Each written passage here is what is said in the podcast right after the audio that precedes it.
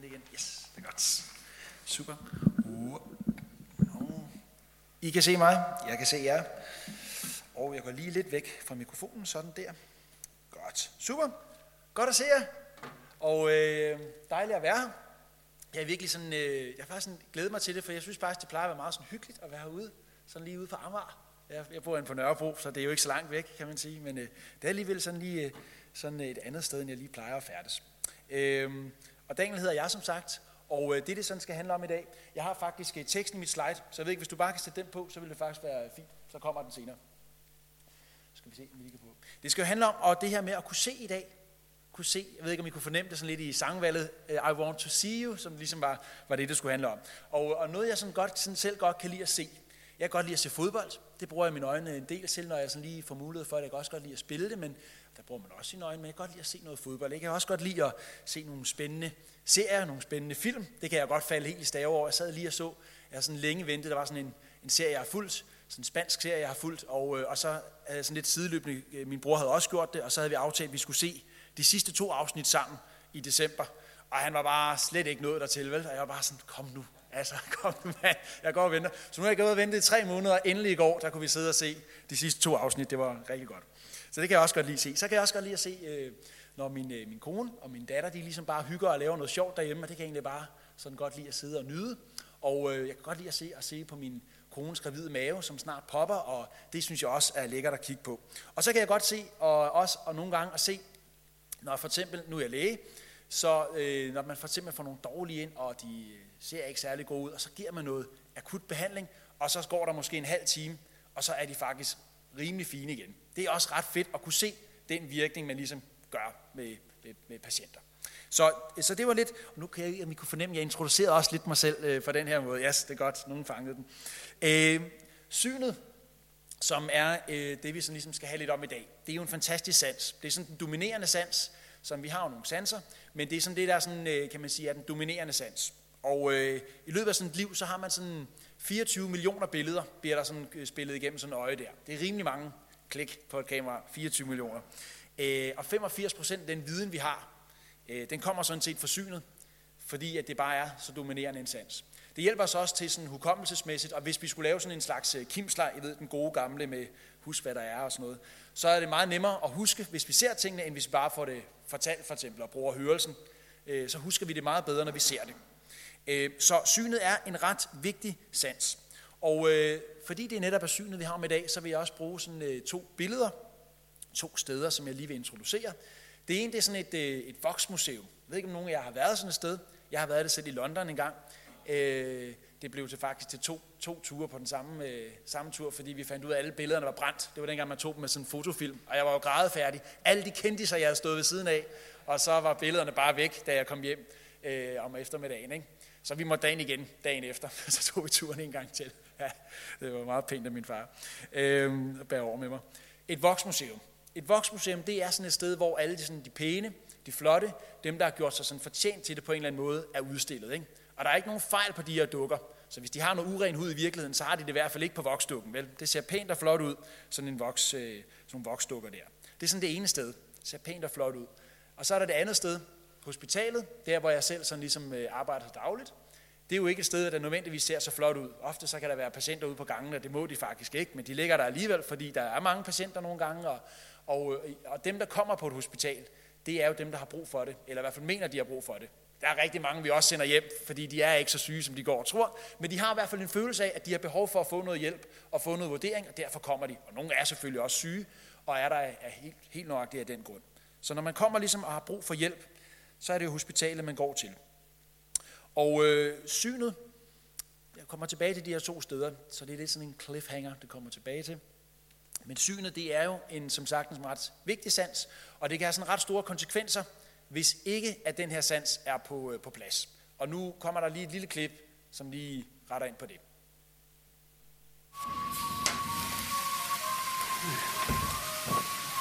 Ugh.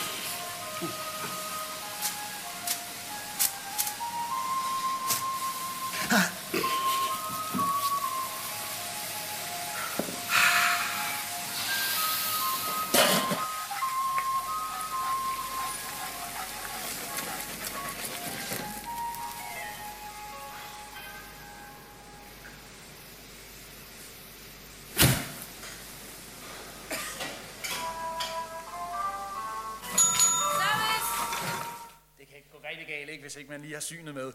Så helt oplagt, nu er det selvfølgelig en lille vittig øh, en af slagsen, men hvis ikke synet er i orden, så kan man jo få nogle ret store fatale konsekvenser. Altså tænk lige selv over, hvor meget vi bruger vores syn i dagligdagen, og hvor stort et handicap det er, hvis ikke at, øh, at, vi, øh, at vi kan se, og vores syn ikke er i orden. Så der er nogle helt oplagte sådan jordiske sådan, øh, konsekvenser af, hvis ikke vores syn fungerer. Men øh, som jeg også vil prøve sådan ligesom at, at, at spore os ind på i dag, så er der jo helt klart også nogle åndelige konsekvenser af, hvis ikke vores syn, vores åndelige syn ligesom fungerer, som det skal. Og øh, den tekst, vi skal læse lige om lidt, den, den siger faktisk, at vi alle sammen er blinde. Vi er alle sammen blinde. Vi er alle sammen sådan lidt på en eller anden måde åndeligt blinde. Øhm, og spørgsmålet er så et eller andet sted, om vi gerne vil have åbnet vores øjne. Er det noget, vi egentlig ønsker? Vil vi gerne åbne øjnene for den sandhed, som Jesus egentlig vil fortælle os i dag? Øhm, ja, spørgsmålet er, om vi egentlig mener det samme, at vi er også blinde. Nu øh, læser vi teksten. Jeg ved ikke, plejer jeg at gøre det stående? Eller ja, så må I regne rejse op. Så læser vi teksten her fra Johannes kapitel 9, vers 1-41. Og jeg prøver at følge med det op. På sin vej så Jesus en mand, der havde været blind fra fødslen. Hans disciple spurgte ham, Rabbi, hvem har syndet? Han selv eller hans forældre, siden han er født blind? Jesus svarede, hverken han selv eller hans forældre har syndet, men det er for, at Guds gerning skal åbenbares på ham. De gerninger, som han, der har sendt mig, vil have gjort, må vi gøre, så længe det er dag. Der kommer en nat, da ingen kan arbejde. Mens jeg er i verden, er jeg verdens lys. Da han har sagt det, så spyttede han på jorden, lavede døm med spyttet, smurte dønet på den blindes øjne og sagde til ham, gå hen og vask dig i Siloadam. Siloa, det betyder udsendt. Han gik så hen og vaskede sig, og da han kom tilbage, kunne han se. Naboerne og de, der ellers var vant til at se ham som tigger, sagde nu, er det ikke ham, der plejer at sidde og tikke? Nogle sagde, jo, det er ham. Andre sagde, ej, han ligner ham bare. Selv sagde han, det er mig. Så spurgte de ham, hvordan er dine øjne der er blevet åbnet? Han svarede, den mand, som hedder Jesus, lavede døn og smurt på mine øjne og sagde til mig, gå hen til Siloa og vask dig. Da jeg så gik derhen og vaskede mig, så kunne jeg se. Hvor er han, spurgte de.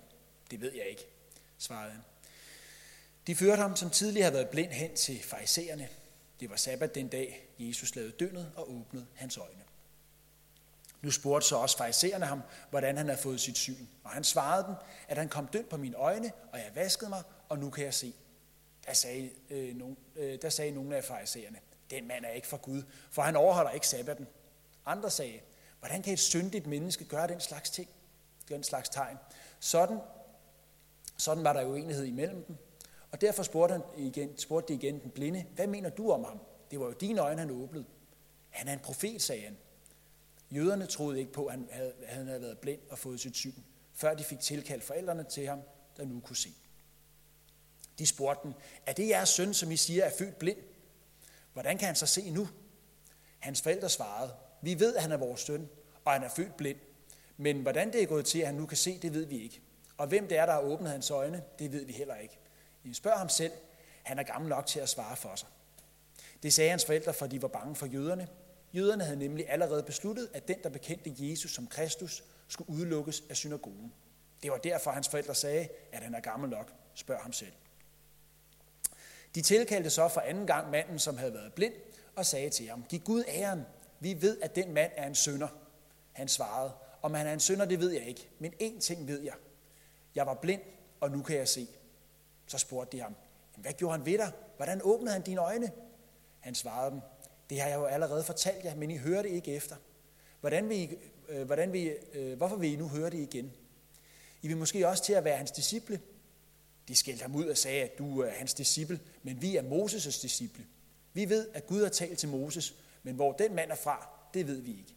Han svarede dem, det underlige ved det er, at I ikke ved, hvor han er fra. Han har dog lige åbnet mine øjne. Vi ved, at syndere hører Gud ikke på, men den, der frygter Gud og gør hans vilje, ham hører han på. Der er aldrig hørt før, at nogen har åbnet øjnene på en, der er født blind. Hvis den mand ikke var for Gud, så kunne han intet gøre.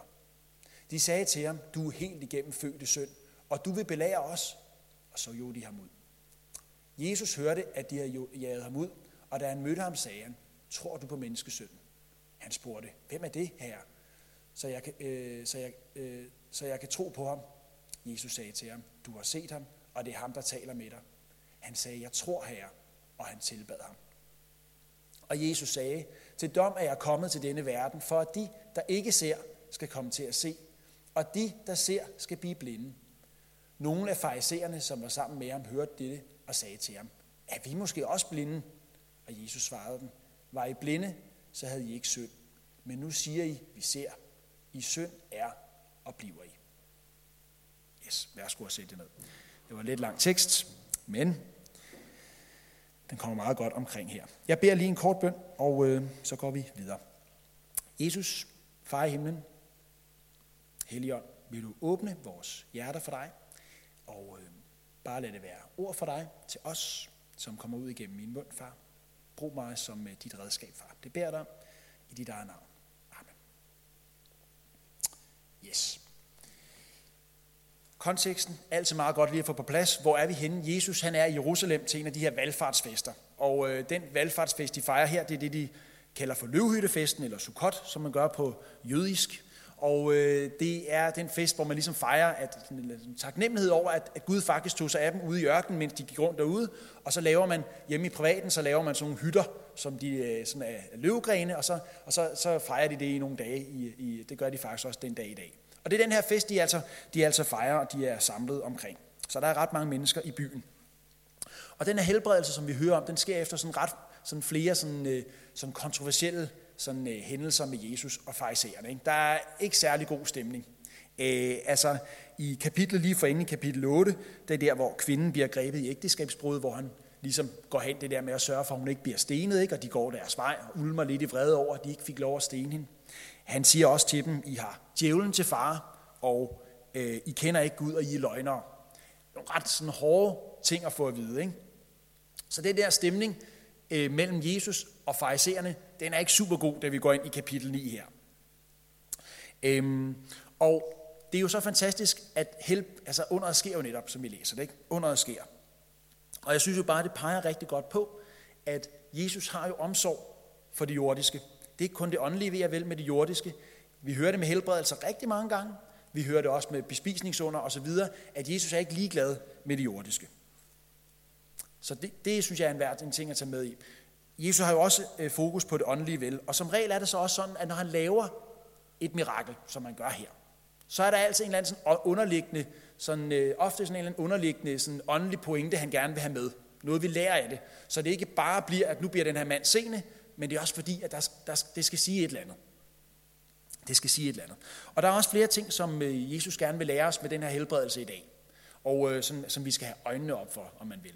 Så jeg har sådan ligesom sådan taget tre ting, tre øjenåbnere med, som jeg tænker er i hvert fald noget af det, som, som Jesus gerne vil lære os i dag. Og den første af dem, det er helt oplagt til højre benet, at Gud er almægtig. Jesus er almægtig. Ikke? Intet er umuligt for Gud, som der står her øh, i Lukas. Intet er umuligt for Gud.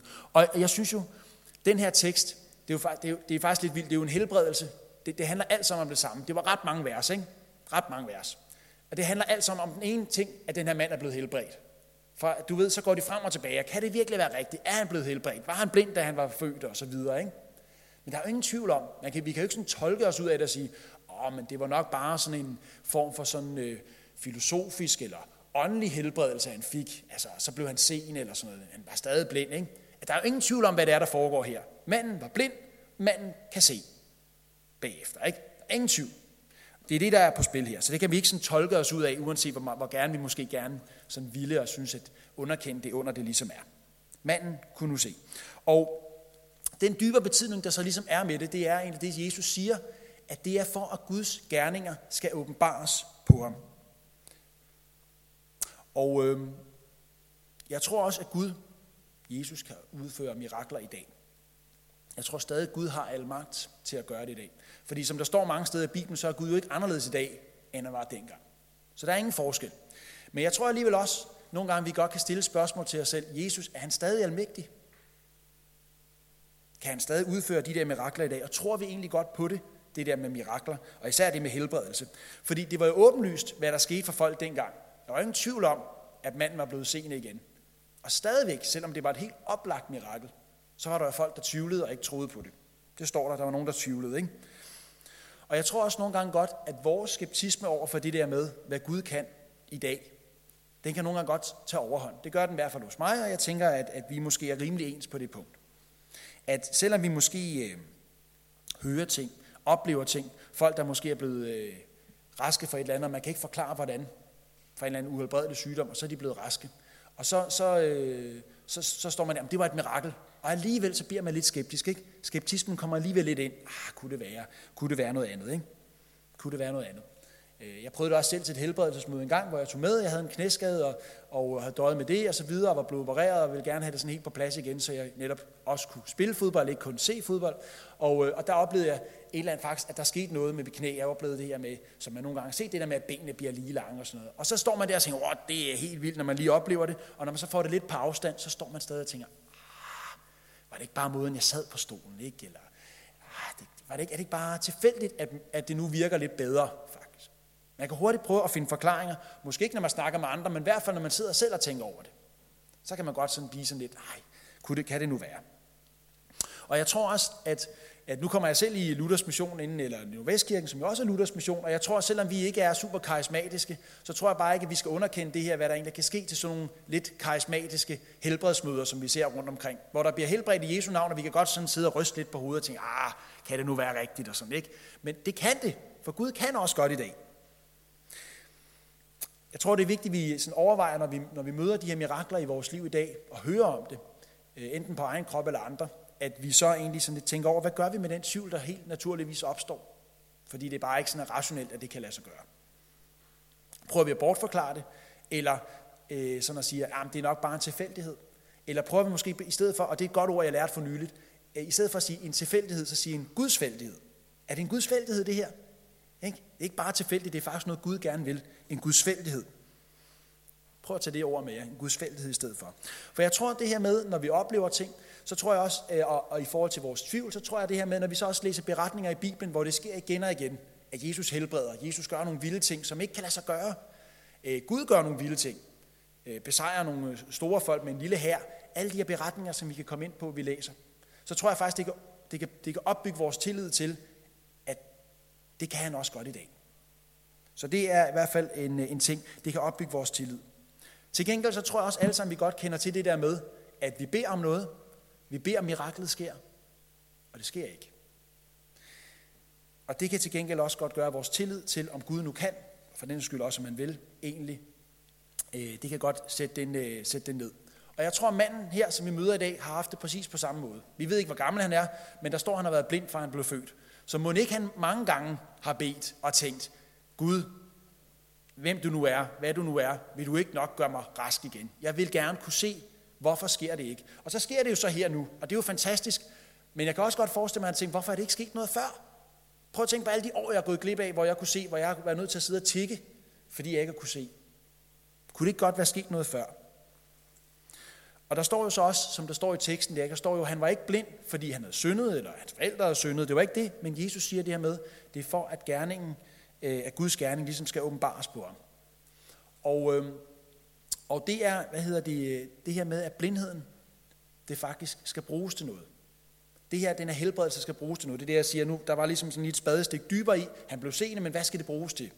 Og det er sådan øjenåbner nummer to. Den første, det var altså, Gud var almægtig. Øjenåbner to, det er, at lidelse kan faktisk godt have en årsag.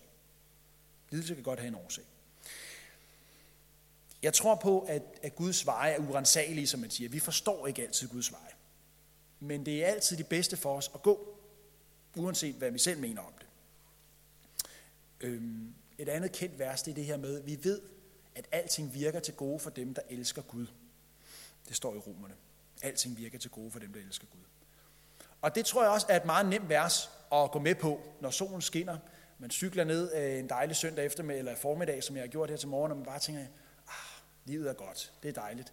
Men når vi står i stormen, når vi står i, i ørkenvandringen, og vi lige har mistet øh, nogen, vi holdt af, øh, jobbet er, vi er blevet fyret, eller vi fik, ikke, øh, vi fik ikke det, vi gerne ville have alligevel, eller vores kærester har forladt os, eller vi er blevet skilt, eller hvad det nu er.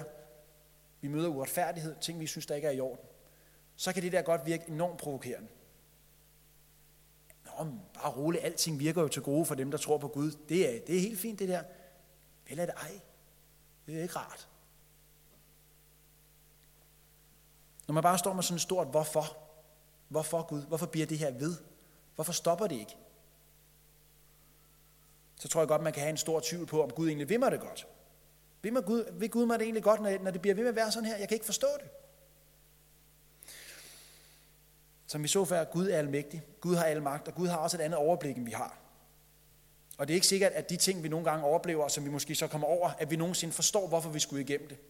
Om det så er sygdom, eller om det er andre ting, der går ondt på os. Det er ikke sikkert, at vi nogensinde forstår det. Nogle ting finder man også ud af bagefter og tænker, åh, det var måske derfor. Men det er langt fra alt. Langt fra alt. Og Gud han kan godt tillade, at vi går igennem de her ørkener. Det kan godt tillade, at livet kan blive som sådan en ørkenvandring nogle gange, hvor vi bare synes, at vi, vi vandrer og vandrer.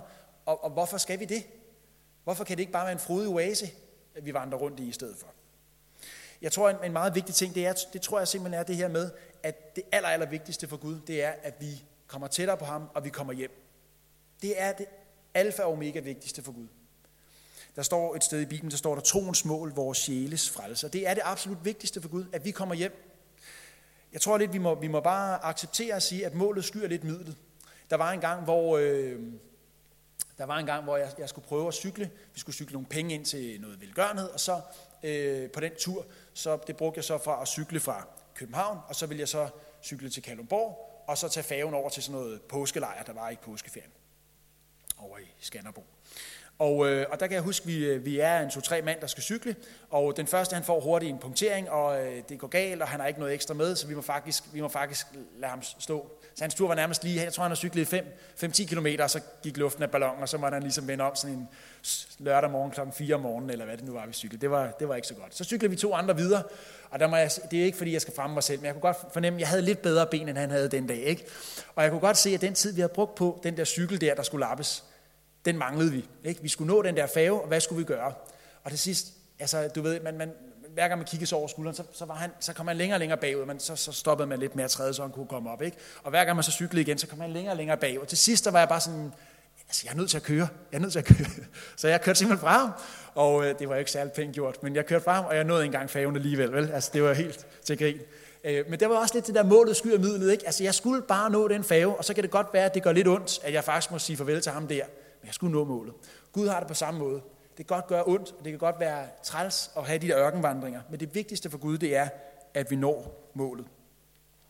Øhm, og så tror jeg også, at Gud godt kan bruge vores svære tider, når vi oplever noget svært, til faktisk at herliggøre sig selv. Så man gør lige helt tydeligt her med den her mand, ikke?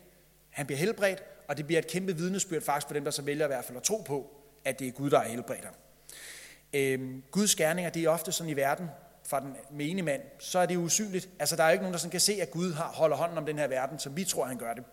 Men når der så sker de der mirakler, vi kan henvende til at sige, hey, det kan lægerne ikke forklare. Hvorfor sker det der? Det kan I ikke forklare. Så kan vi faktisk godt bruge det som et vidnesbyrd og sige, hey, det er fordi Gud er almægtig. Det er fordi Gud er stor. Og øh, nu har jeg lige en video med, øh, med, med, med sådan en, en, øh, en, øh, en nutids helbredelse. Og, øh, ja, sorry, der spoilede jeg men, men det, det, det kommer I hurtigt til at se. Og man kan i hvert fald bare tydeligt se, at ham her manden, det er ikke et eller andet, optag, sådan et eller andet aftalt spil på forhånd. Det er helt afgjort. Han er ikke en, der kommer i kirken normalt. Øhm, så sådan et lille vidne om, at helbredelse sker også i dag, og også hvad sådan, at man netop kan bruge helbredelsen til ligesom at øh, fortælle, at Gud er almægtig. We believe Jesus will heal you. Uh, it's not going to help me. Oh, he'll help you. He helped me, man. He's, he broke my addiction No from... drug addiction. I got a Yeah. Now tell me because I've seen I've it's seen it 38, done. mate. It's, it's shattered. No, I believe I really got faith that he will heal you.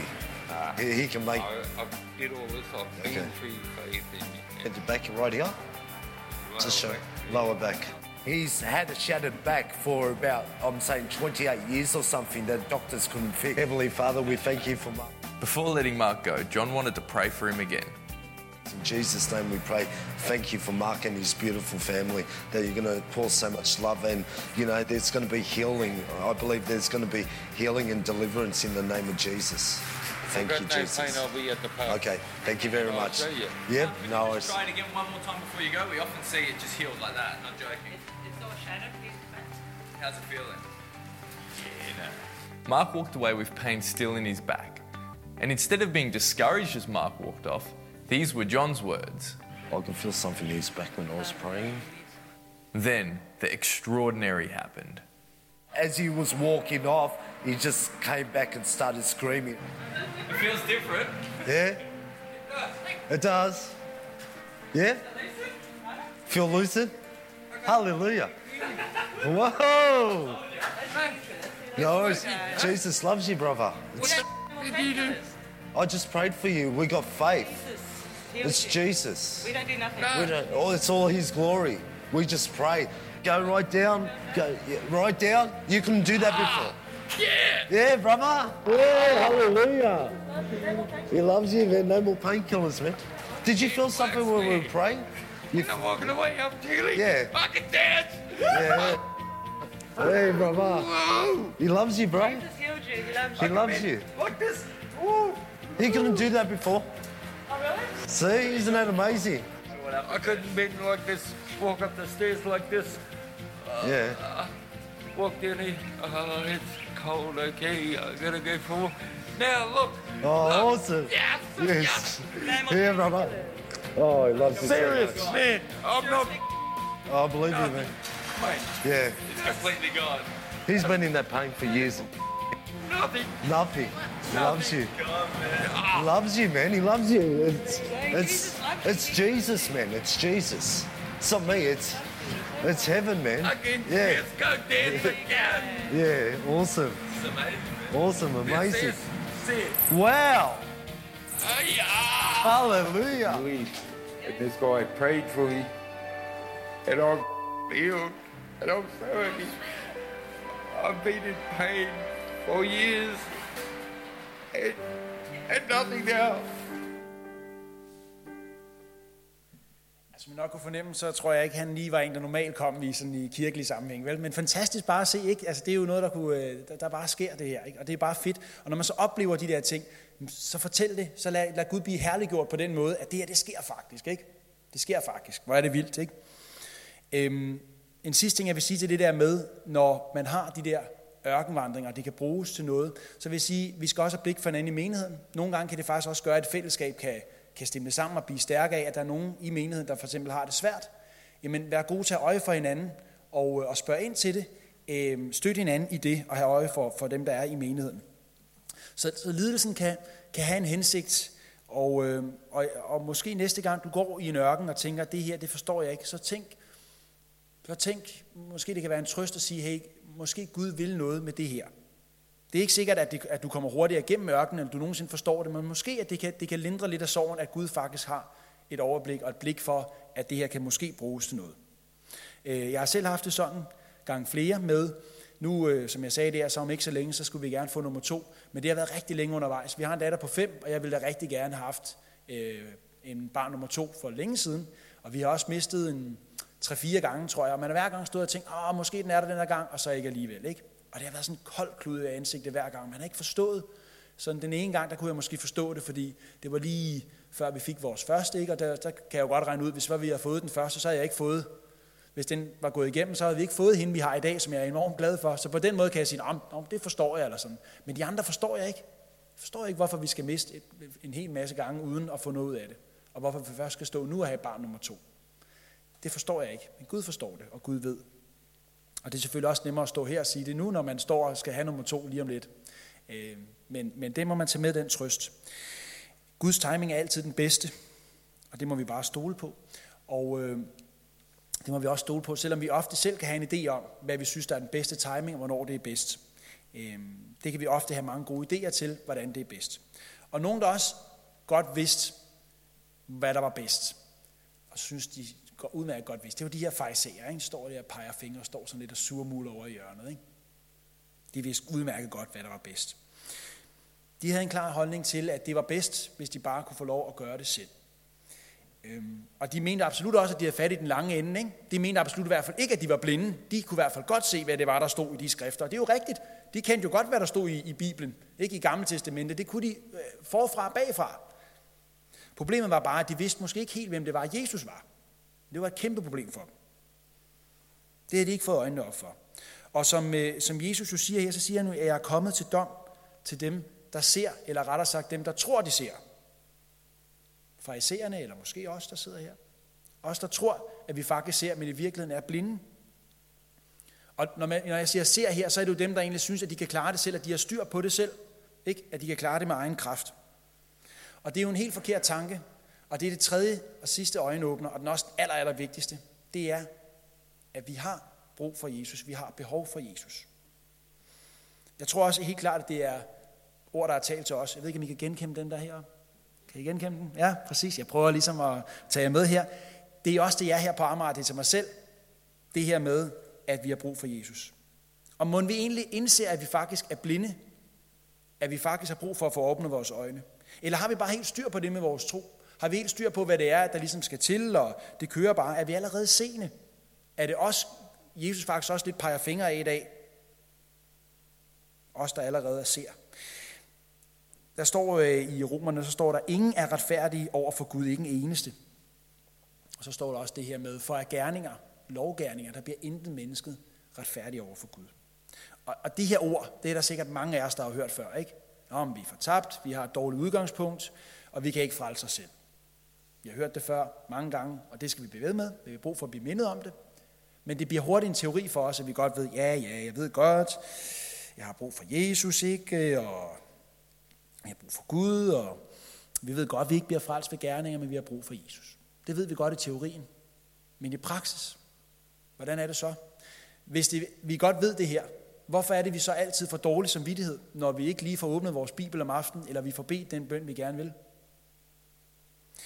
Hvorfor er det, at vi øh, så hurtigt kan føle os som bedre mennesker, når vi, øh, når vi går rundt i bybilledet og ser nogen, øh, som helt tydeligvis har fået alt for meget at drikke? Eller hvis vi står i køen i Netto, og der er en, der bare er super nedringet, eller super dullet klædt, eller et eller andet, vi tænker, hvordan er det, du ser ud?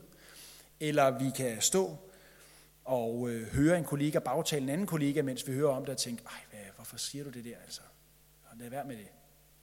Eller at vi kan måske øh, høre nogen fra opgangen, eller naboen lige fyre en god gang eder eller bandeord af. Hvorfor er det, vi så står et eller andet sted og føler os, at vi er bedre? Fordi det kunne vi jo ikke finde på at gøre de her ting. Og måske vi ikke kunne det. Øhm, I forhold til det, så øh, den her bog er måske kendt af flere, dem der ikke kender den. De fortabte sønders skud, som tager fat i lignelsen om den fortabte søn, som så egentlig er to sønner, der er fortabte. En øh, dejlig kort bog, jeg kan godt lide kort bøger, øh, værd at læse, øh, og enormt indholdsrig faktisk. Og noget, der også rammer os, som tror, at vi ser, fra især typerne. Og to uddrag for den. Det første her, Hvorfor går den ældste bror ikke med ind til festen? For det gør han ikke til sidst. Han bliver vælger at blive ude. Han giver selv begrundelsen. Fordi jeg aldrig har overtrådt et eneste af dine bud. Den ældste bror mister ikke faderens kærlighed på trods af sin godhed. Men på grund af den. Det er ikke hans synd, der skaber barrieren mellem ham og hans far. Det er den stolthed, han har over sit moralske liv. Og det er ikke, det er ikke hans fejltagelser, men hans retfærdighed, som forhindrer ham i at tage del i faderens fest. Det er det, problemet er. Han har alt for meget fokus på det moralske liv. Og sådan tror jeg også godt, vi kan have.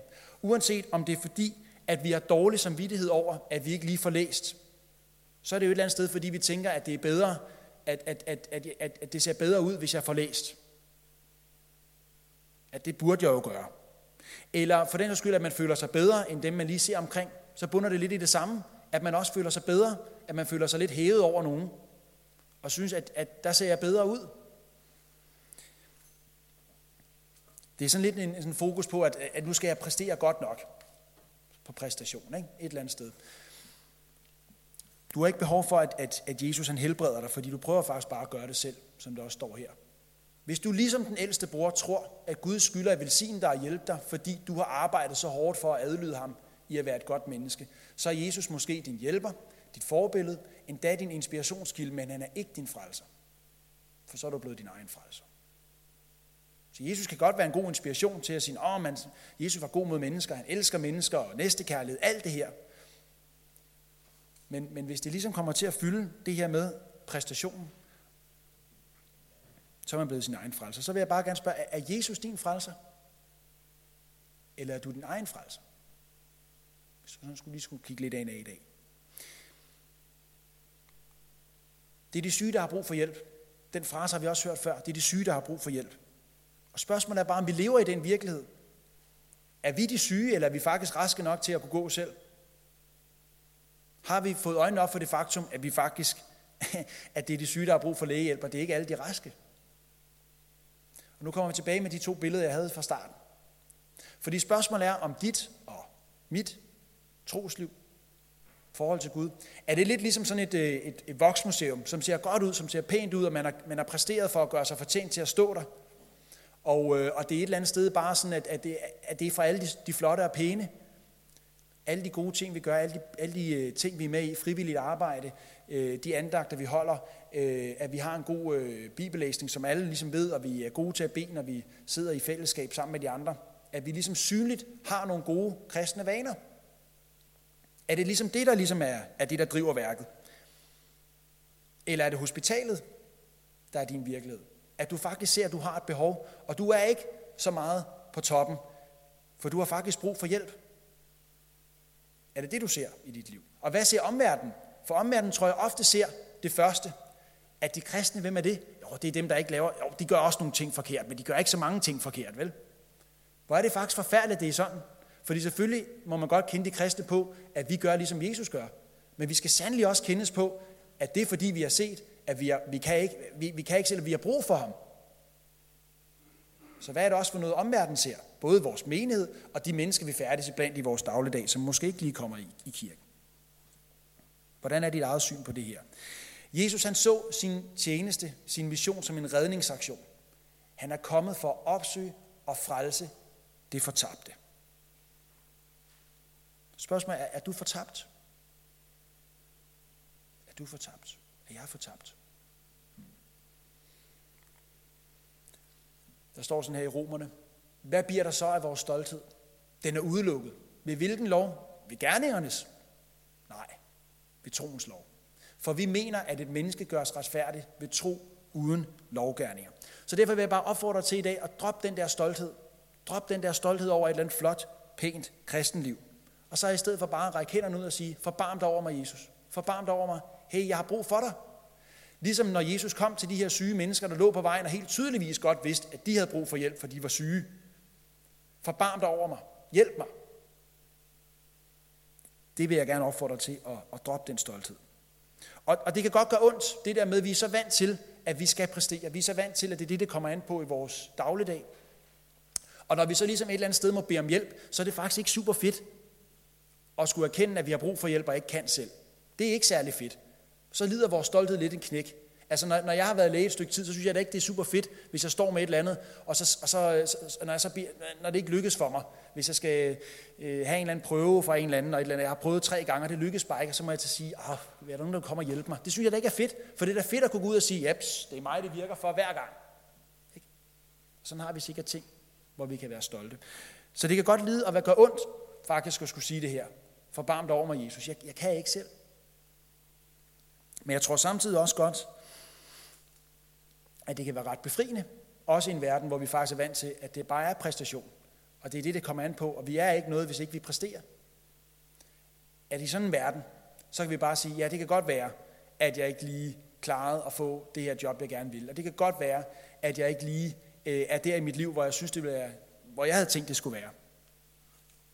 Men uanset hvad, så kan jeg bare lade mig falde tilbage på, at Jesus har i hvert fald gjort det allervigtigste. Uanset om så ikke lige lever op til de ting, jeg gerne vil her i livet. Og spørgsmålet er derfor, ønsker vi at se den her virkelighed? At vi har brug for Jesus? At vi faktisk er ret små, og selvom vi har en stolthed over, hvad vi kan, og også, også mange gode ting. Altså, der er, jeg tror, vi, vi vil selv tænke, at vi er sådan rimelig gode mennesker, de fleste af os, ikke? At vi er meget vældige det måske med dem, vi er blandt. Men ønsker vi faktisk at, at, at lukke øjnene op for at se, at vi, vi, har, vi har brug for hjælp. Ønsker vi den virkelighed. Som det sidste, så vil jeg bare opfordre dig til bare at bede Jesus om at åbne dine øjne. Bed Jesus om, at, at, at du må se, at, at du er fortabt, og du har brug for hjælp. Det er altafgørende, at vi ser det. Fordi ellers så står vi ligesom de der fariserer, der tror, at vi ser. Men vi ser overhovedet ikke og så forbliver vi bare blinde for altid. Så vi er nødt til at tage den her virkelighed ind over os. Vi må se, at vi har brug for hjælp. Vi er, vi er ligesom de patienter, der ligger på det hospital. Vi er ikke som det der vokskabinet, hvor vi bare står, og det skal ikke være sådan, at livet skal være, at vi skal stå der og vise vores flotte gerninger frem. Men det faktisk handler om, at vi bare må erkende, at vi har brug for hjælp. Og det er bare den allervigtigste øjenåbner, som jeg vil gerne vil give jer med i dag. Be om det her med, at vi må se, at vi er fortabt, og vi har brug for hjælp. Øhm. Og så er det bare fantastisk, kan man sige, at den her redningsmand, vi så har, den her redningsmand, det er det levende vand, altså det der siloa, siloa dammen. Det, er, det, det betyder det levende vand, eller den udsendte. Ikke? Det er Jesus. Det er ham, der var almægtig, som vi hørte som den første øjenåbner. Ikke? Vi skal synge en sang lige med, der, der hedder sådan, må jeg altid stå forundret, forundret ved det kors. Det håber jeg bare, vi må. At vi må have øjnene for, at vi bare har brug for noget. Vi har bare brug for Jesus. Det er det, vi har brug for. Og på den måde, så kan man godt sige, så bliver Jesus større, og jeg bliver mindre. Og hey, det er godt nok. Det er faktisk rimelig fint, at det er sådan. Jesus han vil bare så gerne have dig med i evigheden. Han vil så gerne have dig med, og det er derfor, at vi også, han gerne vil åbne vores øjne, hvis vi giver ham lov. Og det er også derfor, som jeg sagde med den her øjenåbner, at lidelse kan være. Det kan være et middel til frelse. Det kan have en hensigt. Og så må vi bare sige og glæde os over, at når vi kan tvivle på, at, at, øh, at der er mening med det, der vi lige går igennem, eller der, der er mening med, øh, ja, den lidelse, vi har, og når vi kan tvivle på, om Jesus nu kan helbrede, eller Jesus kan gøre nogle ting i dag, eller for den sags skyld kan, hel, kan, kan frelse mig, fordi, enten fordi man har øh, dårlig samvittighed og tænker, jeg, jeg dur alligevel ikke til det her, eller man faktisk i den anden boldgade tænker, man føler sig bedre end andre. Så uanset hvilken grøft man mest befinder sig i, så er Jesus, så er han, så er han almægtig nok. Han er mighty to save, som der er en sang, der hedder. Ikke? Jesus er almægtig nok, og det er de her tre øjenåbner, som jeg bare håber, I må tage med i dag. Det allervigtigste er, at vi har brug for Jesus. Det aller, allervigtigste. Jesus, han er mighty to save os. Han er almægtig nok. Yes. Jeg beder en bøn, og så fortsætter vi. Jesus, jeg har brug for dig. Hjælpeløs, du redder mig. Jeg lever kun fordi, du satte alt på spil for at redde mig. Far, åbn vores øjne, forbarm dig over os, Jesus. Det beder dig om i dit eget navn.